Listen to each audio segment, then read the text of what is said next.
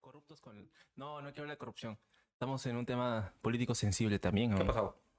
Eh, se lo quieren tumbar a, a nuestro presi, pe. A tu presi, a mi presi, a nuestro presi. Ay, ay, ay, qué rico color. Estoy, estamos probando también el ambiente con, con lamparita. Y lo dije, sí lo dijiste creo al principio, ¿Qué no. No, no se grabó esa primera parte de tu, de tu, or- de- de orgasmo virtual, visual. Virtual. También virtual, porque auditivo para la gente que te escucha. Con meta. A ver, Gerardito, hoy día, hoy día estuvimos conversando, me preguntaste cuál sería el tema de hoy y te dije que me gustaría hablar Habla, mira este huevón. de, Siempre, siempre este idiota. de la edad de piedra. Quiere estudiar. Quiere estudiar. Yo no. Bueno, Para tú vas mí, tú vas me dice a última hora. Siempre. Dos horas antes de venir acá, le tengo que estar preguntando. Compadre, ¿Qué vamos a hablar? Hoy día vamos a hablar de edad de, piedra. Edad de piedra. Y, ¿Con Pedro? Con, y con Pedro Picapiedra. Ah, tú también le diste. Claro. Man, esa abogado lo tuve que escuchar en, 15 los 15 minutos que, que vine. Joder, puta.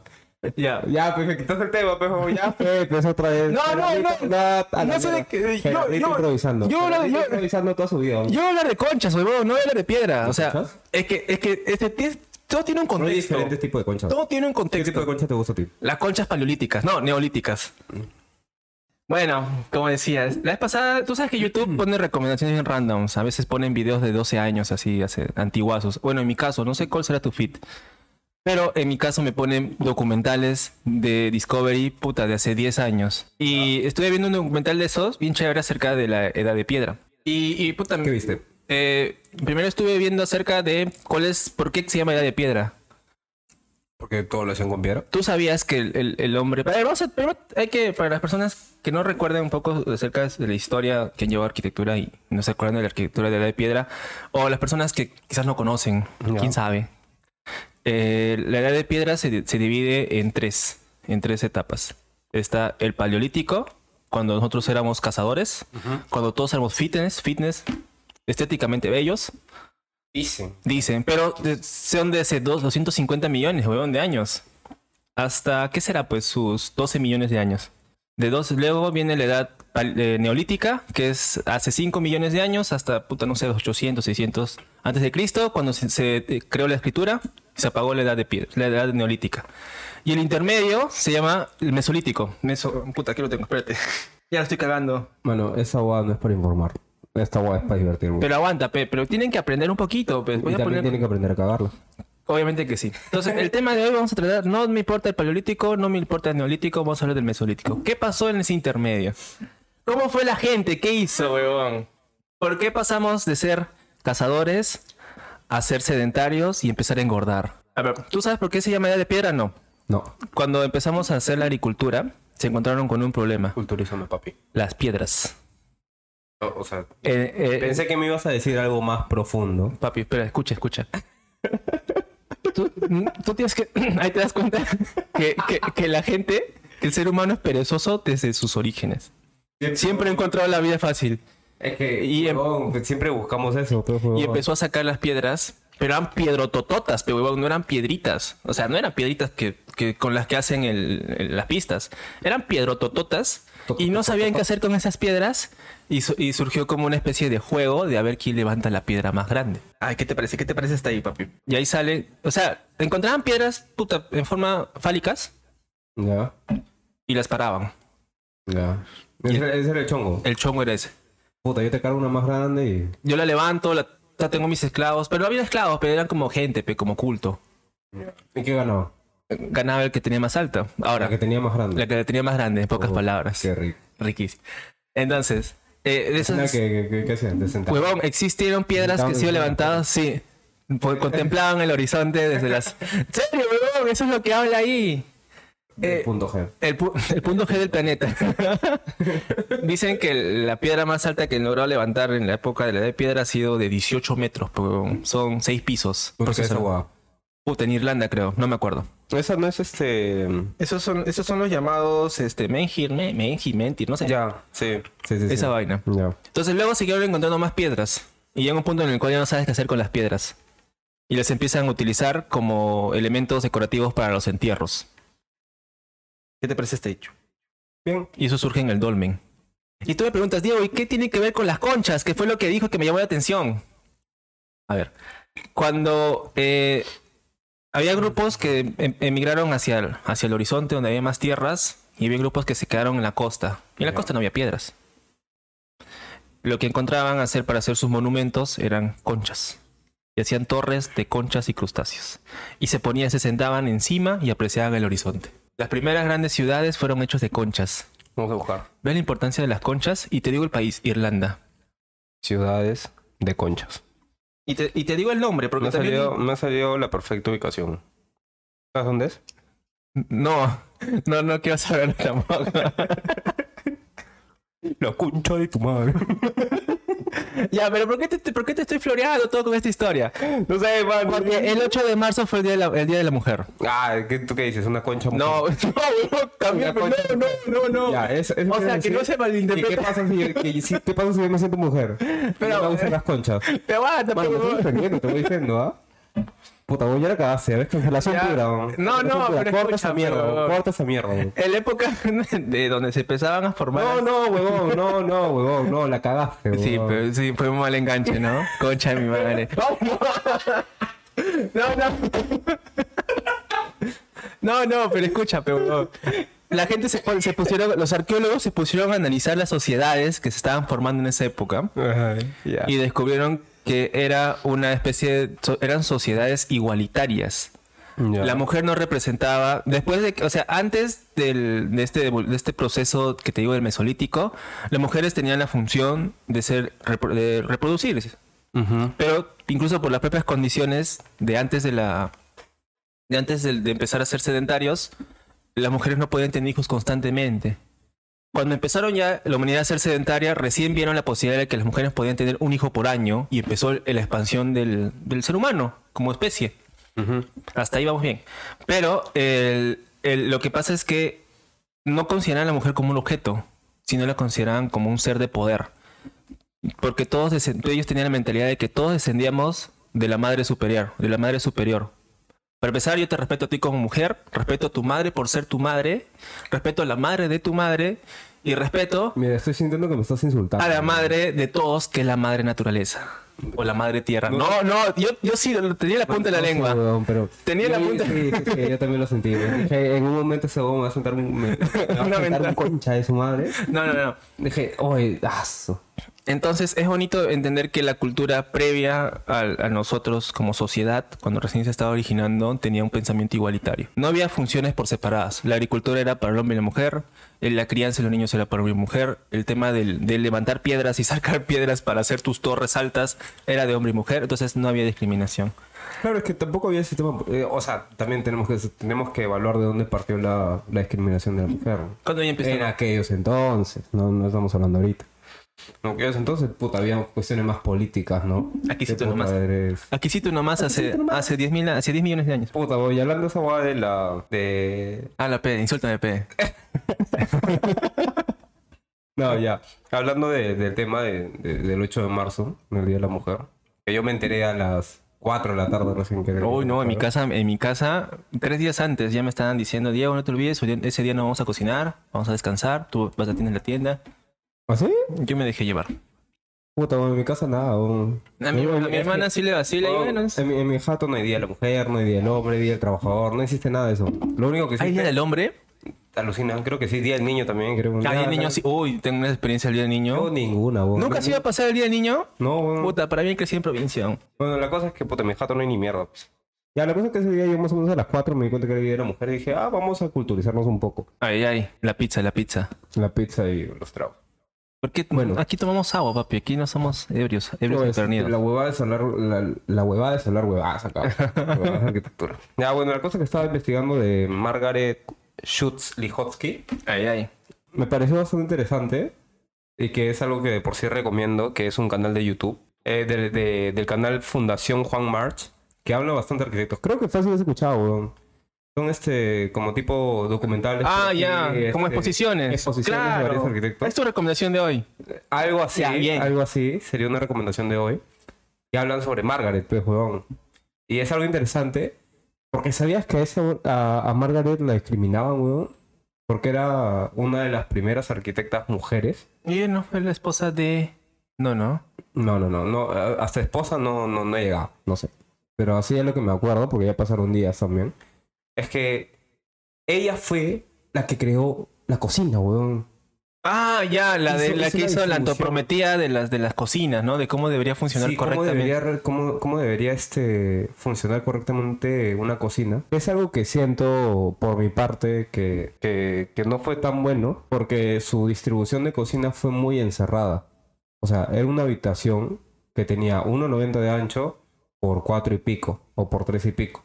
Y según ella, esa era la, la función correcta y la distribución correcta. Pero eso, mira, en mi caso, así socialmente te digo, es que mantenía a la mujer muy encerrada en esa zona, ya que había lavandería incluida en la cocina, eh, obviamente la cocina, la zona de cocción, la zona de preparación y el, el planchado de ropa. ¿Eso que hacías? También creo Mira, que también... yo- yo- no lo dicen ahí, pero puta, me parece muy friqueante la manera en cómo sustenta esto, porque supuestamente es algo para empoderar a la mujer, pero al final mantienes a la mujer encerrada porque en esos tiempos el trabajo de la mujer era cocinar, lavar, planchar Claro. y cuidar a los hijos. ¿En qué momento cuidaban a los hijos? En el momento de que tú ponías una puerta, que tenía que no podía ser una, una puerta batiente, tenía que ser una puerta corrediza. ¿Para qué? Para que no influya en el espacio interior, en la distribución y en los flujos dentro de la cocina. Me pareció friqueante porque de, de todas formas encierra a la mujer en un solo espacio. Así que, no sé, eso está a criterio de cada uno. Y también me pareció bastante interesante que Margaret fue rechazada por Le Corbusier, weón. Eso. Le Corbusier le dijo, dije- acá, acá no venimos a... Acá no se viene a tejer, a tejer almohadas. Por algo, algo así, no me acuerdo bien, ¿no? Fácil estoy hablando huevadas. Y al final, Le Corbusier, dentro de uno de sus libros, creo, o dentro de sus algunos expedientes, toma los dibujos de la distribución que hizo Margaret, weón. Pero no la pone, no De la hecho- cita ella, De hecho, weón. Le Corbusier es bien, este, tiene varios problemas, varios temas polémicos. No sé si es la misma arquitecta que estás hablando, pero hay un proyecto en Argentina que hizo Le Corbusier, Ya, que le, destruy- le destruyó su pared y le empezó a pintar su proyecto, sin permiso de la arquitecta, solamente para decirle que ahora sí es una obra de arte. Sí. O sea, voy a investigar bien ese tema, creo que un día podríamos tirarle mierda a Le Corbusier. Ah, si quieres busca, pues, Con busca. debido respeto. Busca ahorita. No, no, tengo otro tema. Hay otra, hablando, hablando de mujeres poderosas, mujeres de la arquitectura poderosas. Tu madre. Ay, ay, ay. Madre, madre. A ver, A ver, sí. a ver. Robert Venturi. Robert Venturi eh, es arquitecto, ¿tú lo conoces? Su ¿Venturi proyecto- no es de Crepúsculo? no, ¿Los su, Venturi? no, su proyecto más que yo conozco es una, su una casa pintada Ah, ¿no verde. ¿Estás a la casa de los Venturi? No. No, ¿de los Volturi? Ve- Venturi, Venturi. ¿Del Crepúsculo? No, no, no, la casa del Crepúsculo. Tengo traumas con Crepúsculo. ¿Por qué? Mm, Yo, te- yo tengo cuatro hermanas, pues. Y, y- y yo vi, ¿Te le gustan los vampiros? vi todo- cuando estaba de moda, yo era chibolito. ¿Y ahí? Y pero mis hermanas ya eran adolescentes, menos mi hermana menor, obviamente. No, tú eres mayor, weón. Yo, yo lo vi cuando era adolescente. Crepúsculo, ¿qué, quédate, claro. Tú estás bien, huevón, ¿no? Nunca he visto Crepúsculo, weón. Crepúsculo salió en el 2008, weón. Ya, pues yo era adolescente, weón. Tu hermana... Yo tenía, Poner- tenía yo era 12, mayor que- 12, 13 años. Tenías 15, huevonazo. No, weón, yo salí en 2011 del colegio. 16, 14, 2006. Ah, bueno, 16, también 15, es que 14, cuando llegaron 13 de- años, pero... ya, ya. Pero y llegó a Noxapampa, puta, el, que el- cuando yo tenía 16. Ya, bueno. Bueno, la cosa es que estaba de moda y pues mis hermanas me hacían verlas, pues porque siempre la- teníamos, Exapampa tenía un canal o tiene un canal independiente, Canal 9. No es el. Canal 9 de aquí que es Kerala TV o, o- o Frecuencia, uno de esos dos. Eh, Allá es un Canal 9 independiente que funciona con antena y pues se- a partir- en las noches cuando se quedaban sin ideas ponían películas, todo el día películas. Pero no eran las películas que tú decías, ay, bien, buena calidad, eran películas que traían de Lima, pirateadas en CD. Ujú. Y la reproducían. Entonces, eso veíamos todas las noches. Ya. ¿Y? Y pues, ¿A qué querías llegar? que, que me traumaron, Pepe. Yo vi Crepúsculo y nunca me gustó. ¿Nunca te, ¿nunca te gustó? No. Ah, Robert Venturi ganó el premio Pritzker en el año 1991. Pritzker, Pri- Pritzker. Pritzker. Pritzker. Ya, e- ella es, y, bueno, su esposa es Denise Scott Brown. Ya. Y por 50 años trabajaron en conjunto y es considerada una de las de las grandes mentes de la arquitectura postmoderna. Ah, Venturi, ya, ya me acordé de su- de su obra. Puta, yo soy malo con los nombres. Yo también lo acabo de buscar, por eso me demoré, pues. Yo soy malo con los nombres, pero cuando veo obras y me dicen Robert Venturi, ah, ¿qué es ese jato? Ah, ya, claro, ya, claro. ya, La Jato. Verde es la más conocida. Sí, exacto, eso. Pero ya, en No, su 1991... nombre no es la jato verde, por si acaso. No, Debe digo otro nombre, yo la conozco como la. Jato Verde. En 1990 le dieron el premio, pero se supone que ellos trabajaban en conjunto, como equipo de arquitectos. Y le negaron el premio a la arquitecta, eh, a Denise Scott Pro. Ah, la que feo. Es un, es un proceso, es una historia bastante este, polémica del premio. Obviamente tiene sus momentos polémicos, pero, o sea, ahí había, se notaba la desigualdad de género. pe. Puta, qué cagones. Sí, weón. Pero y pasó, ya pasaron como que 30 años desde eso. 30 y 31 años. Y, y la arquitecta dice, "Mm, no busca el reconocimiento. Solo busca que la gente nunca olvide que ella también fue ganadora de eso. Es que ahora creo que también ya lo ha levantado este, Sajita, pues, weón. Claro, o sea, esa fue el- Sa- Sajita ya... Esas eran otras épocas. oh, Sajita ya es... En paz descanse, pecados a Perú. Oye, ¿A ti te gustaba mucho su, su arquitectura orgánica? Alucina que no mucho. Es que no, no era tanto orgánica, Uy, ¿y sabes qué weón. podemos hablar ahorita también? Arquitectura sobrevalorada. ¿Cuál es para ti la arquitectura más sobrevalorada? No arquitecto, sino estilo. Él es- La vez pasada lo vi en un, en un, en un canal de YouTube. Y hablaban No de, a ver, de- manda- de- por ejemplo, hablaban que la más una sobrevalorada es el minimalismo. La arquitectura minimalista, por ejemplo, porque ellos decían, ¿no? Es que creo... Es que... ya, porque sí, muchos lo intentan, pero sobre- pocos lo logran. O es, sea, es- es sobrevalorada, pero porque en sí, a lo que yo entiendo, a lo que yo entendí hace muchos años cuando empecé esa boda, no es que el minimalismo sea una rama en la arquitectura, sino que el minimalismo es un, por así decirlo, un estilo de vida claro. que al final se transformó y... ¿Cuál es el nombre fue- actual? El- ¿Qué? el- eh, tiene, un, tiene un nombre actual cuando vives con la menos cantidad, o sea, la menor cantidad. Bueno, la cosa es que yo entendí eso, que era un concepto de vida, una forma de vivir el minimalismo. Que al final, puta, el minimalismo se puede interpretar en, todo, en todos los... En, en todo, en, en cualquier cosa. En arquitectura creo que se Claro, usó más. según tengo entendido es que tú tienes, o sea, proporcionas lo- o sea, todos tus mecanismos, toda tu, la magia que ocurre dentro del- de la arquitectura, lo ocultas. Tiene que ser simple, exacto. Y, se ve, Todo- y, por- lo visual es la simpleza. Ajá. Ya. Esa, esa es una idea, por ejemplo, de Sí. sobrevalorado. Que se podría decir, dijo, yo justo estaba hablando con un, este, con un ingeniero de esa obra que estaba haciendo con Don Juan. Y como referencias tenía la simpleza, porque a mí me gusta que se vea limpio el espacio. ¿no? Claro. No me gusta, por ejemplo, respeto a las personas también que hacen, perdón, eh, sobrecargado. arquitectura sobrecargada, un montón de materiales, negro, madera, acero, cortén, eh, ¿qué más? Pez huevón, bambú, blanco, fucsia, ya. Chévere, causa, si a ti te gusta está bien. Bien, Pero este, no- ¿cómo decía el arquitecto mexicano Barragán? Bien. No, ni siquiera Bar- Barragán yo Bueno, usaba esos, colo- no, esos colores, pero usaba colores bien llamativos. Claro, utilizaba colores bien llamativos, pero den- dentro de todos sus colores Simpleza Eh, del material. Era, era una simpleza de material, una simpleza de líneas, una simpleza de forma que se ve, que es bonita, a mí me gusta, me gustó bastante. Ya, la cosa es que, ¿de qué estamos hablando? ¿De cuál es la arquitectura Ah, sobrevalorada para ti? Ya, el el estilo. Ya, pues yo estaba hablando con el ingeniero Entonces, ajá. y yo le dije eso, ¿no? Que me gustaba la simpleza. Y me dijo, ah, minimalista era. Minimalista eres. Y yo como que, De forma un poco... eh, no, no es tanto arquitectura. Creo que no se debería, no es una, una corriente arquitectónica, por así decirlo. Te voy a romper tu corazón. Porque ¿Sabes es, cuál? es una corriente No, no. ¿sabes cuál para mí es la, la arquitectura más sobrevalorada? Bueno, no más, una, una arquitectura sobrevalorada. La que te gusta a ti, ¿Cuál? la introspectiva. Introspectiva. Pero es porque es, por- es, por Sí. cuesti- es cuestión de gustos. O sea, Sí. tú sabes que a mí me gusta mucho eh, la, ¿cómo te dije? La fenomenología. O sea, el término de que tú le, tú, tienes, tú le construyes o le diseñas un cuarto a, a tu cliente y el cliente tiene toda la autoridad de darle el uso que él quiera. Esa libertad para mí es lo, lo mágico de la arquitectura. Lo que me gusta. Pero para lograr eso tienes que hacer una arquitectura limpia. Un estudio. Pero yo, a mí me gusta el ejemplo más, más, más sencillo que es, por ejemplo, las cocheras que cambian, evolucionan. Ujú. Pero tú construyes una casa, Pero si te das cuenta, si te das cuenta de la forma básica, claro, una son- cochera es un cuadrado, es, es bien minimalista. es, es, es simple. No, no es minimalista, es simple, nada más. ya. Es simple. Simplista. Simplista. Claro, pero, pero todos los espacios son así, son formas, formas Creo que, simples. Creo que ese es el punto. Eh, Esa sería la, la base de, este, de esta introspección. No, ni siquiera la introspección, del minimalismo. No, yo es como. la a ver, simpleza y no, que se vuelva multifuncional. Corrígeme si, si quieres, pero para mí la arquitectura introspectiva es encontrar lo atractivo dentro del, del dentro de la- dentro de lo construido, de lo diseñado. En parte. Que por fuera ya que vean cómo viven. Yo entro y entro a mi propio mundo y está todo, o bueno, Ujú. todo lo atractivo para mí. Ujú. Pero para mí, desde lo que es gustos, o sea, de lo que a mí me gusta, es como que te limitas o, o te cierras al entorno Sí. y pierdes todo tipo de... Putas, las motos.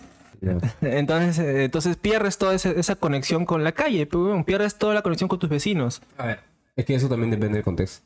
Por ejemplo, yo no voy a hacer, yo no sería capaz, si es que ahorita no, no sé cómo está la corriente introspectiva. Ah, claro, eh, con, introspectiva, con no buena vista no vas a se ser ni cagando, pero... Exacto. Si yo me encuentro en un lugar donde puta veo árboles, veo caballos paseando, ni cagando te voy a hacer una arquitectura introspectiva. Claro, pues. pero- No te voy a cerrar el espacio porque lo más bonito tienes el contexto. Pero ahora, si, puedo- si, si estabas en una jato, imagínate, o cualquier tipo de edificación, una zona densa. No digas, no digas, no digas, no digas barrios. Una zona de, urbanamente densa. en el centro de Lima, pero Bien, bien, bien. al costado de la Panamericana, En barrios altos. en En, barrios altos. Chorrillos. ¿Cómo se llama el cerro? No, Chorrillos es arquitectura moderna. Ya, ya, la cosa es que, puta, si estás en un lugar así, weón, obviamente, pues, weón, ¿qué, qué, qué, qué vas a tener para ver ahí, weón? No, no ves nada. Algo que sí también es bastante debatible es este, la si, si la arquitectura introspectiva, imagínate una manzana Ah. entera, al final termina siendo insegura Claro, pero... para el entorno urbano. Sí, sí. Y esa abogada sí es friqueante. Y esa abogada le preguntaron esta, a, a Cota, pues, A tu dios Cota. No tanto mi Dios, me gusta, me- a mí me gusta la, la- la arquitectura introspectiva porque genera espacios de, en verdad donde tú puedes apreciar la arquitectura dentro. Donde tú ves dobles alturas, triples alturas, triples este, alturas, donde aprecias bastante, ya, mira, por no mencionar a Cota, pero siento que un que alguien que hace bien ese trabajo y no no no no se limita a decir este que es una arquitectura introspectiva, simplemente dice que esa arquitectura es una buena arquitectura.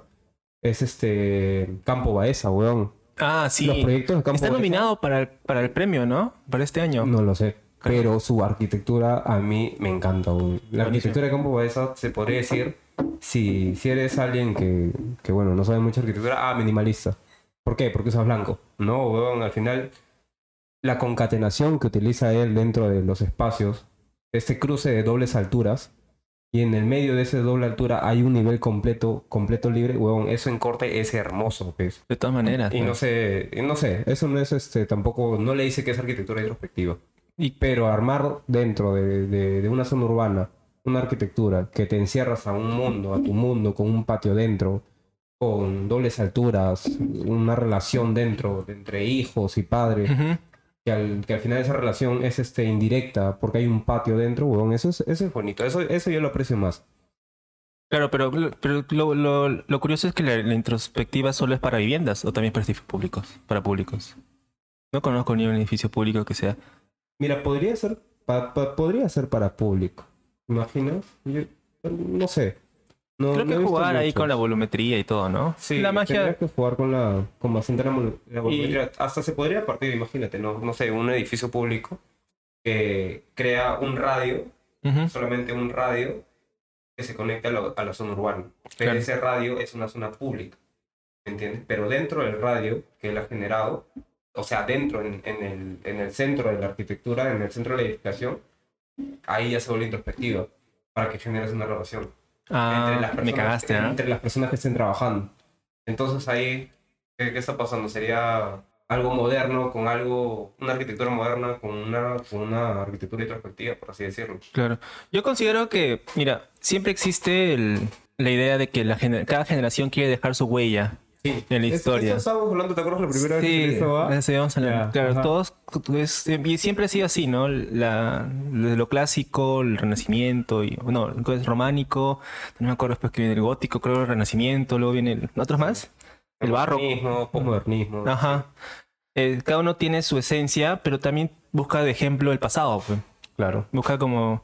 Entonces, por eso yo digo que para mí no, todavía- no sé si todavía logramos identificar un estilo que sea perteneciente al, a, este, es- a este siglo.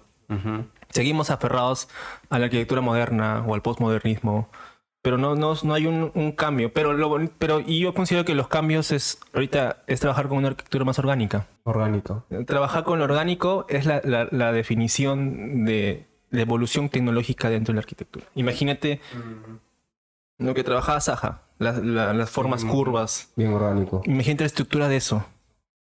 Ese, ese reto estructural, ese desafío que surge y cómo también no afecta. O sea, porque hay arquitecturas, tú puedes construir la, la arquitectura curva que tú quieras, pero imagínate que tu entorno es todo, todo, todo ortogonal.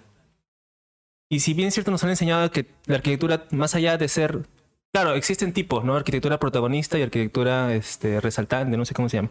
Ah, No, cuando- arquitectura, arquitectura protagonismo y arquitectura integrada, creo que es. Ajá, cuando, cuando se integra. Ajá. Que Entonces, hay buenos proyectos de integración que ni siquiera es que se integren al, al contexto, sino se integran al proyecto. Claro. Por ejemplo, ¿no? en el cercado de Lima.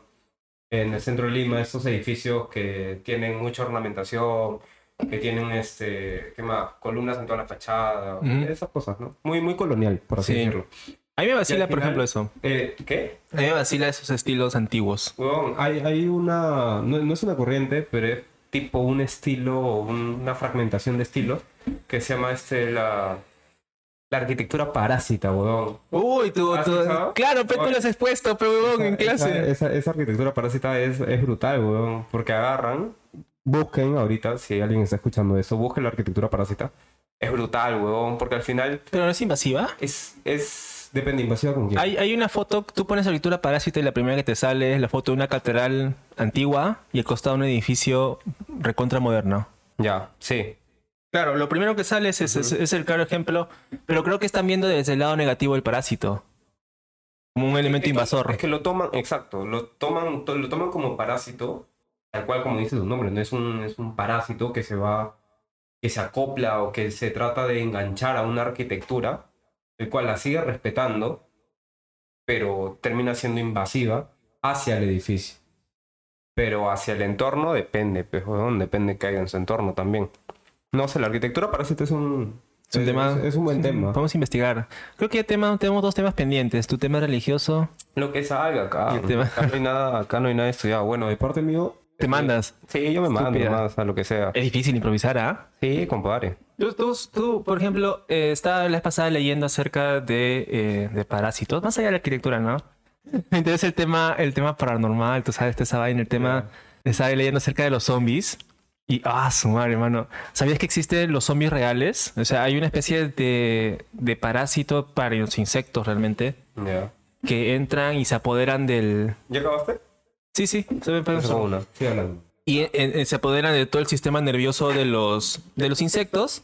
Y cuando llegan a un punto de madurez, este, este parásito los obliga a que se lancen a un, a, a un charco o algo de agua. Y muere el insecto, pero ellos salen, surgen, nacen. Ya. Y luego buscan otro, otro... Parásito del parásito. Es un parásito del parásito, imagínate. Bueno, iba a hablar de algo y me ¿De qué olvidé. estamos ¿no? hablando? Estábamos hablando de la mujer, luego de la edad de piedra, De los parásitos. de las conchas, puta De que... tu madre. Ay, ¿qué fue? ¿Y tú, Gerardito? ¿Yo qué, mano? Para ti, ¿cuál sería entonces el- La arquitectura. la, la siguiente evolución de nuestra... de- ¿O cuál sería nuestra, nuestra brecha de como... Ya ponle este, Mira, este ciclo, de ¿Sabes- do- sabes- todo el 2000. Espérate, ¿sabes qué me pareció bueno antes que me mueva del tema? Este. eh, hay una. Hay una arquitectura, hay un este, edificio que creo que hizo Fujimoto. Ay, ay. de creo que era una vivienda que, que estaba completamente abierta al barrio, pues, huevón. O sea, imagínate. Ah, la es- mierda, no, ¿de verdad? Sí, ya me, ya me, Puta, qué ya me, ya me- no, no, no, qué bonito. ¿No o sea, funcionó? en el momento de que, por ejemplo, ¿no?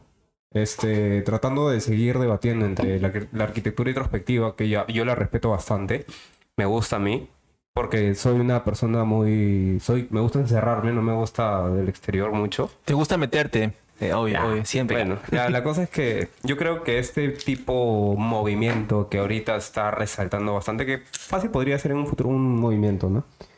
Creo que este movimiento, por así decirlo, está, está yendo en contraste al modernismo, a esta arquitectura muy permeable que en un momento también se dio. ¿Por qué? Por el uso del vidrio, que ya tienen años, ¿no? El modernismo, el vidrio, las mamparas Esto no grandes. es más postmodernismo, porque mira, el modernismo, sí te conté alguna vez de, o sea, el, cuando Le Corbusier, estoy hablando que los 20, 1920, no sé, no estoy seguro de la fecha, Le Corbusier y todos sus filósofos de la arquitectura, porque sí, la arquitectura tiene su esencia filosófica. Claro, sí, y- sí, sí, me corrijo. Está bien, está bien. Sería Y- por- postmodernismo. ¿no? Entonces, en esa época, cuando ya empezaron a definir los primeros parámetros, las leyes de la arquitectura o algo así, eh, se definía que todo tenía que contenerse dentro del espacio de la vivienda, ¿no? Porque el objetivo de la vivienda es que te, te mantenga a ti como usuario y que el barrio, que el, el alrededor falle. O sea, que no falle, sino que, bueno, ya vivan su mundo ellos. Y obviamente había cuestiones, pero no, no necesariamente de la carrera de arquitectura, sino había otros, otros, otros, no, no, más que otros filósofos de otras carreras, como los cineastas, los artistas, o no sé, pues, los músicos, o lo que tú quieras, que eran más también apegados al tema sensitivo, porque en sí lo que buscaba el modernismo era dar- tener una conexión con el usuario, pero también este, ellos también trabajaban la emoción, todo este recuerdo y todo, y decían, ¿por qué cambiar un sistema que sí funciona bien? O sea, ¿cuál es, ¿por qué rompo? ¿Por qué tengo que tener esa necesidad de querer cambiar lo que ya funciona bien?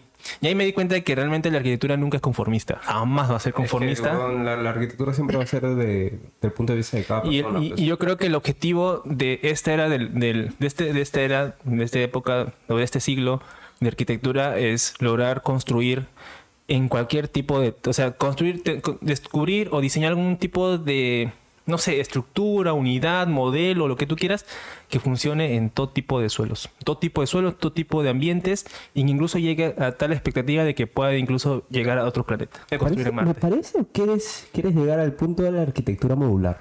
no me Ah, ha ya. dicho mi tesis weón. Ah, ya. Que por cierto, mi tesis es arquitectura modular, pero luego al final me cambiaron a arquitectura sensorial. eh, y no sé, to- todo perdido, todo mal. Ah, ya. Pero para mí esa es la idea, ¿no? De que algún día se va a construir, se va a diseñar una arquitectura tan... Es que mira, Ya, mira, espérate. Antes, antes que se me vaya la idea, pues. Que estábamos hablando de la arquitectura introspectiva, pues. O sea, Sou Fujimoto hizo una jato, jato NA. Bueno, casa NA. Y la cosa es que es muy, muy abierta, ¿no? Tú dices en, en temas urbanísticos, bravazo, me encanta. pero que se conecta a la calle. Pero mira, pues, huevón. Ah, ya, Ya, es bien esta- trans- esta- casi esta translúcido. en NA, o sea, hay espacios muy flexibles, hay de todo, hay buenos conceptos. Pero es una jato que está abierta al, al- al- a la urbe, pues, No puedes tener intimidad. Y. A la o sea, urbe, qué buena palabra, ¿ah? A la urbe. Ahorita tú ves el proyecto, pero si buscan bien, hay una casa o la googlean por la ubicación y la casa está completamente, este, tiene, tiene, este, cortinas en todos los espacios. Claro, pero de todas O maneras. sea, ¿de qué estamos hablando? ¿Tu, tu creo que arquitectura, tu arquitectura funcionó? So, contéstame. Resp- respóndeme, respóndeme al Instagram, weón. Dame, tirame un DM, weón. Nos me echamos. Somos Residente y Diego Alvin, weón. ¿Qué chucha pasa, man? Aprende inglés Te solamente hago, para te hago una tiradera. Te hago una tiradera. ¿Qué pasó, qué pasó en, esa, en esa jato? weón? O sea, Eso es lo que te digo, arquitectura imperfecta, papi. perfecto. La arquitectura no es como el capítulo pasado, no existe arquitectura perfecta. O sea, yo no sé también quién le habrá dicho, oye, tu proyecto me gusta. weón". Ah, es que yo- Porque yo- A sí. mí, en la vida voy a querer una Ah, jato habrá habido un cliente, es que ahí está. Qué bueno que hayas mencionado que yo en la vida, pero es porque tú eres arquitecto. Tú muestra, muéstrale la maqueta, muéstrale el concepto, tú le metes el florazo, el marketing, puta, al- tu segunda carrera es marketing. Y se lo vendes al, al, al, dueño y dices, ya, yo quiero construir eso. Ese es un buen punto, ¿no? Los arquitectos creo que a veces... Diseña para otros arquitectos. Sí, diseñamos ¿Dónde para está otros la, la- la arquitectos. lógica de...? Debe- deberían darnos unas clases de marketing, porque creo que vender un, vender un, un proyecto, vender este, una idea, es, es difícil. Y más cómo llegarle al cliente con temas arquitectónicos. Uy, olvídate. conceptos arquitectónicos que nosotros entendemos, pues, pero, Es que, es que ni siquiera, es que el arquitecto... pero a él, a él le digo, oh, este, este concepto lo hizo Sou Fujimoto. Yo le estoy replicando con la parametrización que utilizó Zaha. Y tomo la planta libre de Le Corbusier. Es que- Ah, ya. ¿Y mi puerta dónde está? ¿Y por dónde va a entrar mi auto? ¿Mi carro va a entrar? Tengo una camioneta. Así me, decía, me dijeron mi último proyecto así. una, una ventanita chiquitita ahí, ¿no, no crees Sí, que no, está no podemos ponerle un pequeño estudio ahí. Mm. O sea, mm, piensan más en la función en, el, cómo- en, en- en- en lugar de cómo, casi digo en vez, en lugar de cómo eh, lo van a sentir. Cómo va a ser. Cuando ya lo sientes, puta, ya, ya empiezan los problemas. ¿no? Chipe. Hay una jato, creo que tiene dos metros o un metro y medio de ancho. Dos metros. Que fue construido entre dos edificios. Ah, y le he visto bastante en Facebook. Sí, y sale, es un O sea, bien, ¿ah? Para construir como idea está perfecto, como idea conceptual. Pero vivir, habitar ahí, ya vienen los, los problemas yucas, ¿ah? Mm, sí, dependiendo, ¿no? Yo, es que esa, esa arquitectura también se utiliza bastante en Japón, pues, weón, donde tienes Que ahorrar hasta... muy limitado, pues, weón, muy limitado. Tú vivirías en un lugar ah, urbanamente denso como Japón, así, pero Tokio, por ejemplo, dices donde s- viven en pequeños espacios. Ahí está la película esta de Parásitos, pues, ¿no? Que la idea es similar. ¿Así se llama la película? sí, ¿Parásitos? ajá. Bueno, no sé cómo se pronuncia en inglés. Parásita ahí. la cosa es que era una familia que vivía en condiciones malísimas, en un pequeño departamento, eran creo que cuatro o cinco personas. Empiezan a trabajar de empleado en, en un este. eh, una, no, bueno, la madre empieza a trabajar de empleada en una casa multimillonaria y empieza como que a, a enganchar a toda su familia, ¿no? El papá se vuelve chofer, la hija se vuelve la sirvienta, o, o no sé, pues y empiezan a traer y empiezan a apoderarse de la casa, de poquito en poquito. Ya. Y como No, que- no lo he visto. Y, y de poco en poco empiezan a dejar sus cosas, ¿sí ¿me entiendes? Sí. Y es como un parásito que de lento en lento se quieren apoderar la vivienda. Loquísimo, ¿eh? Loquísimo la historia. Bueno, ¿qué te, ya, ¿qué te iba a decir? Por ejemplo, la vez pasada estaba leyendo acerca de la oncología. Puta, yo leo huevadas. No, leo todo menos mi arquitectura y no avanzo mi tesis. eh, estaba leyendo acerca de, la- de la- de los oncólogos. Los que se dedican a combatir el cáncer y, Ya, y, bueno, y las a diferentes... ver, quiero, quiero ver cómo lo relacionas. Eh, el objetivo de la oncología realmente como carrera es dejar de existir, ¿me entiendes? Llegar a un punto en el cual se, se- se crea la cura perfecta, que dicen que ya existe, si te quieres poner cons- conspiranoico, pero llegar a la cura perfecta y ya no tener que tratar una, una enfermedad de cáncer nunca más. Ese es el objetivo como carrera oncológica. Lo vi en un comercial, me pareció bien chévere. Y me puse a pensar cuáles serían los objetivos de otras carreras, ¿no?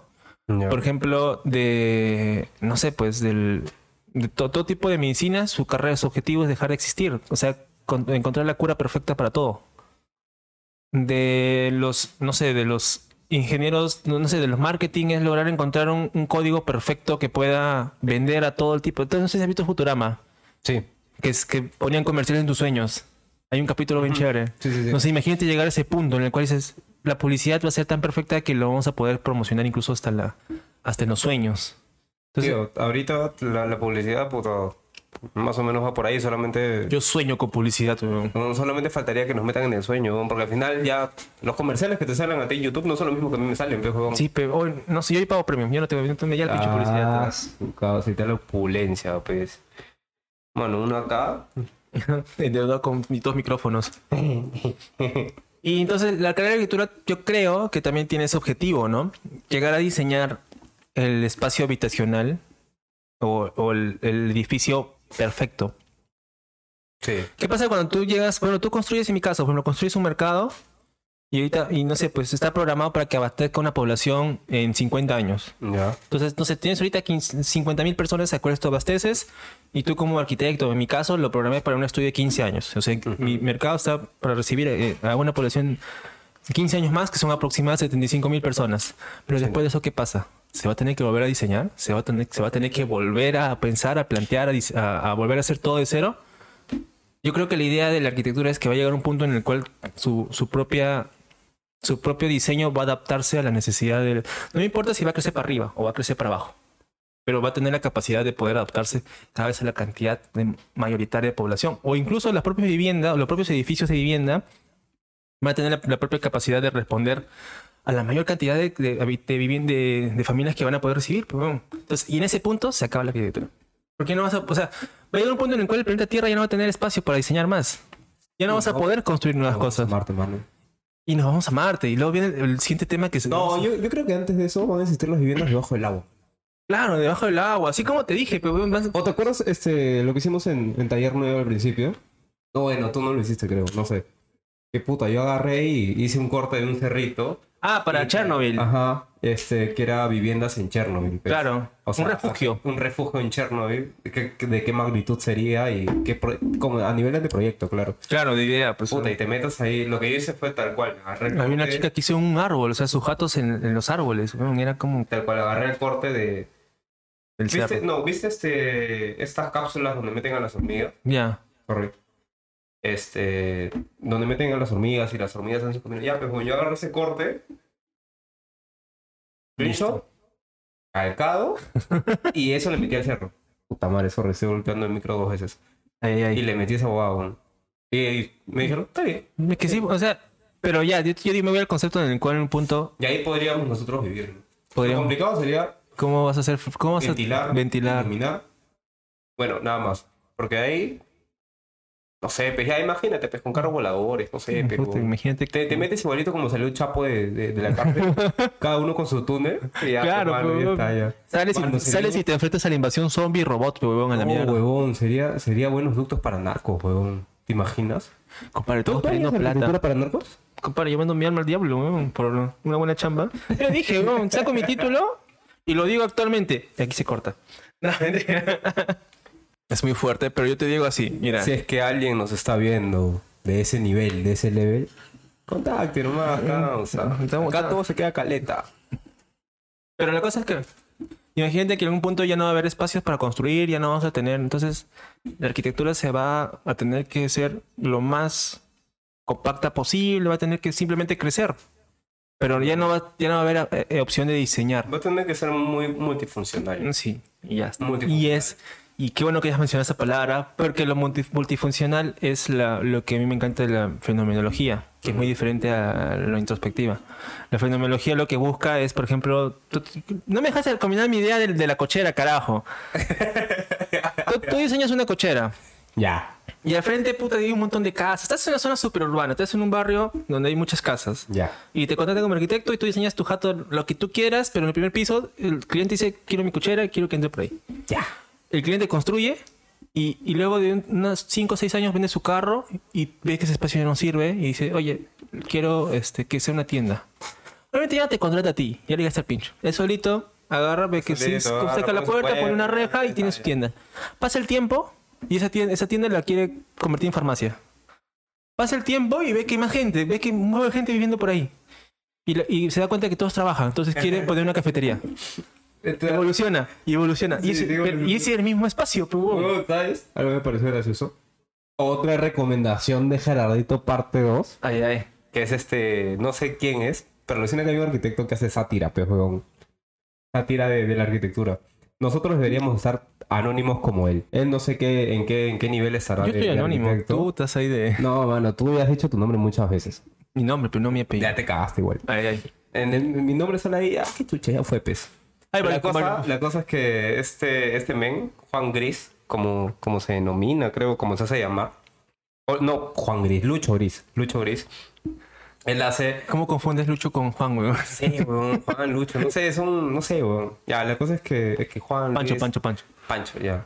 Ya. Pancho, La ¿qué cosa es que él hizo un, un dibujo de la jato de Le Corbusier. Este. La típica jato, ¿no? La jato de Le Corbusier, la más famosa. No me acuerdo el nombre ahorita. ¿Villa Saboya? No. Ya, sí, la vía Saboage. Saboya. Saboya. Saboya. Para peruanos. Huevón, y es esta mierda, pues. Alucina que la jato de Le Corbusier agarra y lo que tú dices, pues. La primera planta, como es planta libre, la convierte en farmacia. La convierte en farmacia o mercadito y después le hace dos pues, escaleras en. Claro, pues, exterior, cara metálica, caracol. caracol. Escalera caracol y tiene, tres y tiene dos pisos más, tres pisos más. Está De buenísima la idea, weón. Chévere. Pero, también existe una contraparte, ¿ah? ¿Cómo? Aravena, el Ya. dios Aravena, el arquitecto chileno, él, tú sabes que hace viviendas sociales. Sí. Y he construido unas, unas Pritzker por, sí, por, por su vivienda social. y tiene unas viviendas en la cual el problema era que él no era una población. No sé, pues imagínate 500 personas, Ah, o creo que 100 familias. Su, su, su, su módulo de vivienda era la mitad. La de mitad vivienda. y la mitad ya tú lo construyes tu gusto. Exacto. Y se construyó todo un, un barrio o sea, que te- tú veías todo, o sea, tenía un elemento repetitivo, pero todo lo demás era creatividad del usuario. El usuario. Imagínate esa concepción, eso es fenomenología, eh, una buena expresión, pues. Entonces, lo mismo surge para mí, entonces, toda esa necesidad de querer tener de alguna forma independencia de diseño como propietario es la respuesta o es, es lo que nos han dejado nuestros antepasados desde la prehistoria. Y tú ves que somos tan chuchas que hemos relacionado el tema, el primer tema con este tema que está a punto de cerrar. Bueno, somos, no sé, bueno, solamente... En la prehistoria, las viviendas cumplían la única función, empezaban siendo refugios. Pasa la edad clásica, eh, seguían siendo refugios, zonas para comer y almacenaje. Ujú. Pero seguían siendo como que tenían objetivos claros. Pero esas propias viviendas también funcionaban como depósitos, como te digo, ¿no? Como almacenes, como establos, lo que tú quieras. Pasaba el tiempo y las viviendas se mantenían en esas funciones. en esas- Bueno, que tampoco había, mu- tampoco había mucho que hacer. pues, No había muchas opciones. O sea, tú, tú ibas y pa- lo único que querías es dormir. La, Y le- la forma básica, ¿no? Trabajar, Dormir, trabajar y listo. Ver peleas de esclavos. Si está lloviendo, puta, pones tu techo dos aguas. Ah, ya está. Ya está. Claro, entonces, ¿No quieres que pase a- este aire? tu ventana, tu ventana ya está. Listo. ¿Quieres, quieres un- algo de luz? Tu ventanita. Pero claro, entonces la vivienda tenía objetivos claros y era eh, cumplir la necesidad de la persona que iba ahí. Que necesito que tengo, no sé, pues mis armas después de regresar de la guerra. ¿Dónde la guardo? Ah, lo pongo al costado de mi cuarto. En mi cama. O en el costado de mi, de mi sala. Entonces tienes, tenías los espacios perfectos o tenías la- de una especie, un- una concepción de la perfección de las viviendas. Y eso se cumple hasta ahorita, pues. La vivienda nunca, nunca va a ser, nunca va a llegar un diseño perfecto porque siempre va a haber nuevas ganas de querer hacer algo más. Sí. Entonces, volvemos a lo mismo, que no existe arquitectura perfecta y nunca va a existir. Nunca va a existir, weón. Y entonces me dijo, ¿dos mil soles por un dibujito? Y entonces me... Yo cobré mil lucas por un diseño completo. Mi primera chamba. Ya está construyéndose ya como esto de obra. No quiso sacar licencia. Qué, qué indignante, weón, cuando te dicen, ay, por un dibujito. ¿A ti, a ti Compare- te ha tocado gente que te ha dicho Sí, eso? Sí, sí, y me vendió mi alma. mierda.